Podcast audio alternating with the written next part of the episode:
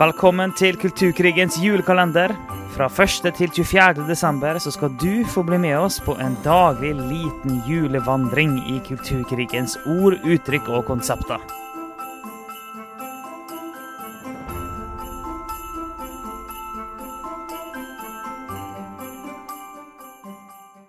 OK, OK, OK. Vi har kommet til 11. desember. Og kulturkrigen raser videre. Her må vi bare henge med. Og vi har kommet til at vi skal snakke om normkritikk, eller normkritiske perspektiver. Skal vi snakke om i dag. Ja, et stadig mer eh, populært ord som sniker seg inn både her og der og her og der. Og som de fleste av disse ordene, så høres det jo litt sånn der Om ikke nøytralt, så iallfall ikke så fryktelig kraftig ut. Men uh, dette er jo en av de mest si, ideologiske begrepene nesten som vi har på listen vår. Ja, og så mange ting, så det er jo en liten trojansk hest.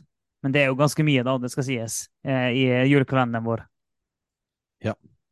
Så det er noe annet Ja, ja, fullfør. Ja, nei, det høres jo mer sånn ut som at eh, ja, kritikk av det som er normer. Og det er klart at kritikk av normer er jo noe som har foregått i hele menneskehetens historie, og, eh, og noe som alle kan gjøre. Eh, så det i seg sjøl er jo på en måte ikke noe veldig vanskelig. Um, men, uh, men, igjen så er det jo på en måte hva er det som egentlig Hvordan er det dette begrepet blir brukt, og hvem er det som bruker det, og hva ligger bak det, som vi skal dukke inn i. Ja. Eh, at å, å, utfordre visse normer i samfunnet vårt er jo ikke negativt i seg sjøl, og det finnes normer som bør utfordres. Eh, men og derfor er det sånn, ok, normkritisk, normkritikk, normkritiske perspektiver. Når en hører det og hører det i en eller annen sammenheng, så kan det høres veldig sånn fint ut. Og det kan høres ut som at her skal vi bare gi plass til mennesker og være snille og gode. Men vi vil jo si at det ligger ganske mye mer i det. Og en ting vi ofte sier i vår julekalender, er at problemet er at det er ideologi i det. Ja, så vi kan jo um, lese en uh, definisjon av dette begrepet. Så normkritikk er altså å identifisere hva vi anser som normalt eller selvfølgelig, og hvordan disse ideene kan skape barrierer for personer som faller utenfor oppfatningen av det normale. Vi bruker hermetegn på det normale, altså, fordi at ingenting er normalt eller unormalt i seg selv. De er eh, det er de samfunnsskapte normene som tegner opp grenser hvor noe eller noen er innenfor, og andre faller utenfor normen. Normkritikk kan brukes til å identifisere kjønnsnormer, heteronorm, hvithetsnorm, funksjonsnormer, middelklassenorm og kroppsnormer, for å nevne noe. Normkritikk innebærer ikke å kritisere alle normer, men å forholde seg kritisk til normene ved å spørre hvilke normer er bra, og hvilke kan være kjipe og ekskluderende. Så igjen så handler det jo selvfølgelig om kritikk av rammer som Er egentlig rammer og normer som vi har fra tidligere. Eh, og i stor grad så handler det om rammer man har fra en kristen forståelse eh, av verden og forskjellig. Så det er jo ikke normer for alt mulig, men det handler veldig mye om sånn som kjønnsnormer, eh, hvithetsnormer. Så det, det, er alle disse samme kategoriene, da. Eh, med utgangspunkt i grupper da som man tenker er undertrykket eller kommer utenom normen. og Derfor vil, vi, derfor vil man kritisere språket. Uh, så da må vi jo tilbake igjen til uh, det vi har snakket om om postmodernisme, og dette med sosial konstruksjon, eller guddommelig konstruksjon, som vi kaller det. For uh, hva er det du kritiserer ut ifra, er jo egentlig det store spørsmålet. Ja, og i den definisjonen som du leste, det kan, kan finnes ulike definisjoner på, men det, det går jo langs de, de, linjene likevel med at ok, noen ting er normalt, noen ting er unormalt, blir det ansett som. Og på samme måte som når vi snakka om mangfold, og vi var inne om inkludering i denne episoden, så er det litt sånn ok, en tenker om mangfold og inkludering at en egentlig skal få fjerna så mange rammer som mulig, for da får en plass til alle. Eh, og Hvis en dermed ikke har en ramme, hvis en ikke har noen normer, så kan, får den jo plass til alle mulige slags grupper mennesker og uttrykk osv. Og, og, og, og da vil også tenke motsatt. At hvis den har normer, eller hvis den opprettholder normer, så vil den dermed ekskludere noen. Og, og holde noen utafor. Ja, så vårt, vårt fundament for å vurdere det som vi kaller normalt, eh, det er jo alltid Bibelen. Så når det gjelder disse områdene som man egentlig snakker om når man snakker om normkritikk, eh, så går vi tilbake til Bibelen, og, og vi mener at norm betyr det som, sånn som det ble skapt. Ikke, ikke det som på en måte er gjennomsnittlig i kulturen vår. Så vi har på en måte et fast punkt vi alltid går tilbake igjen til. Um, og sånn sett så kan jo vi drive norm, kristen normkritikk, og kritisere det som går utenfor den normen som Gud har skapt.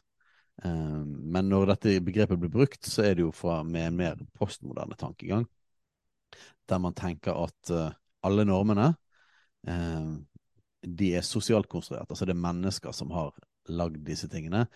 Og fra den definisjonen her så står det jo det at eh, vi bruker hermetegn om det normale, fordi ingenting er normalt eller unormalt i seg selv. Altså, ingenting er normativt. Ingenting er normalt. Så det betyr at man visker ut grensene eh, mellom alle ting. Og der vil jo vi kristne si det at eh, jo, det finnes noe som er normativt. Eh, det finnes rammer. Det finnes ting som, som vi faktisk bør holde oss innenfor. Vi, vi kan ikke gå med på at det er ingenting som er normalt eller unormalt i seg sjøl. Nei, vi kan ikke det, for at eh, en norm det er, det, er en, det er jo en slags sånn eh, regel, en form for uskreven regel, som sier noe om forventa oppførsel i samfunnet. Det er det en norm er. Og da utvikler det seg selvfølgelig ulike normer i ulike samfunn, men som kristne så mener vi det at Bibelen viser oss en del ting når det gjelder forventa oppførsel og hvordan vi skal leve, og en del rammer. Så vi har dermed bibelske normer, kan vi si. Vi har dermed en del normer, og normer er jo eh, de, sånn, eh, de fleste normer er ja sosialt konstruert. Det er dem. Men vi mener jo at det finnes normer som er guddommelig konstruert. For Bibelen sier noen ting om forventa oppførsel av oss mennesker. Og til og med ordet norm kommer faktisk av eh, mål. Eh, altså vinkel og mål. Altså det, det er noe som er målt opp. Det, noe, det finnes en innramming. Det er noe innafor utafor. Det ligger i hele ordet norm. Så det finnes noen bibelske normer.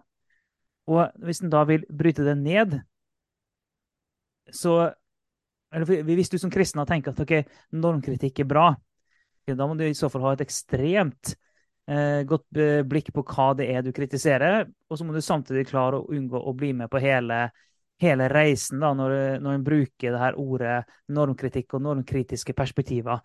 Fordi det går ideologi i det, og, og det går en helt spesifikk retning.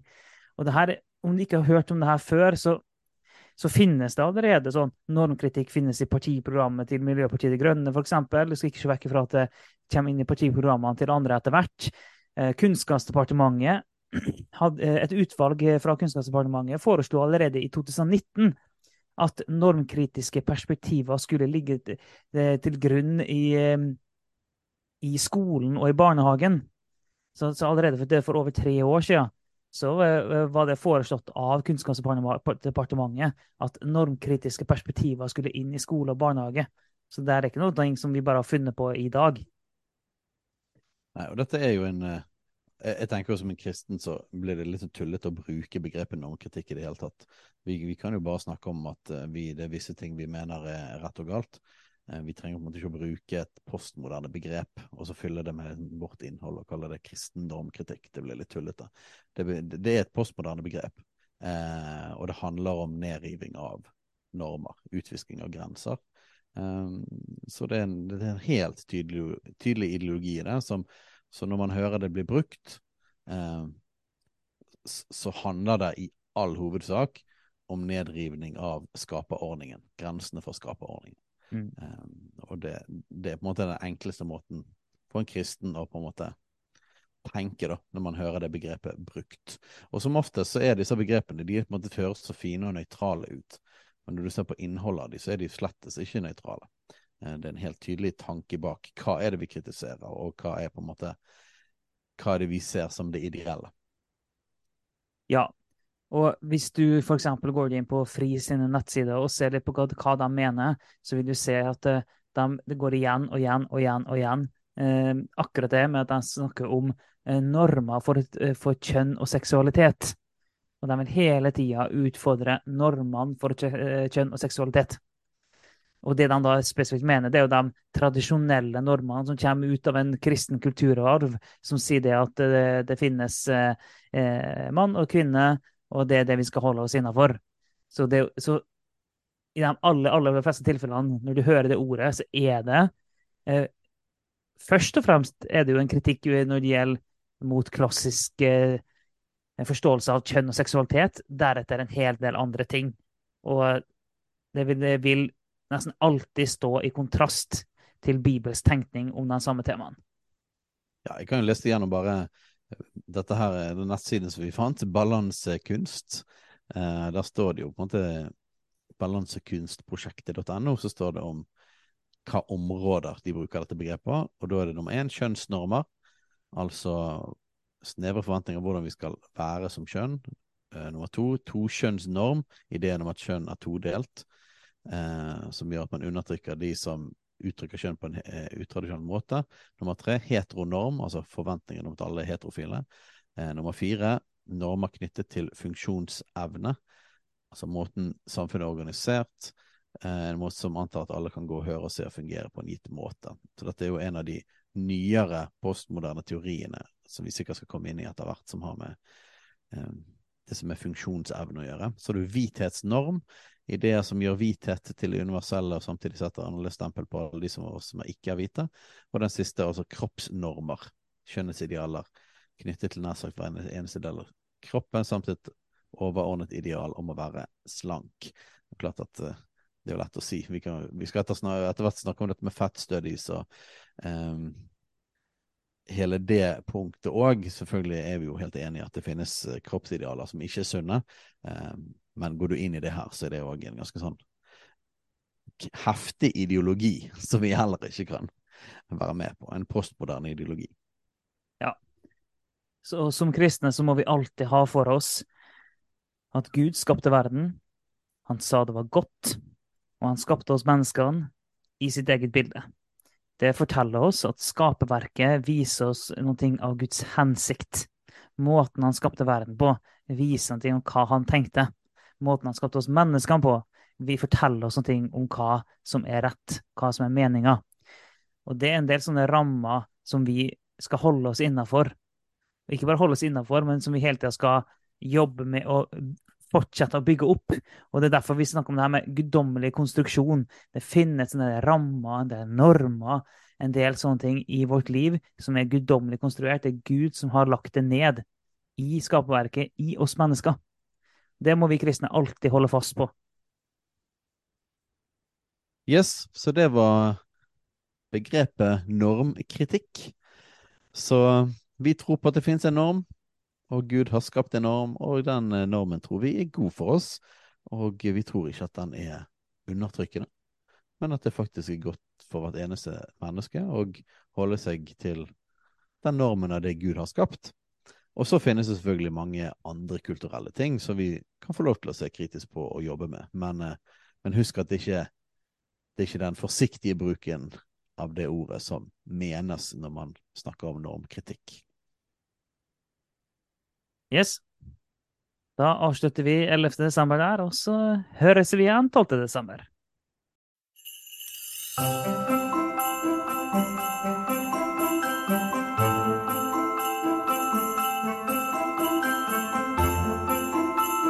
Takk for at du hørte på Kulturkrigens julekalender. En daglig liten julevandring gjennom kulturkrigens ord, uttrykk og konsepter.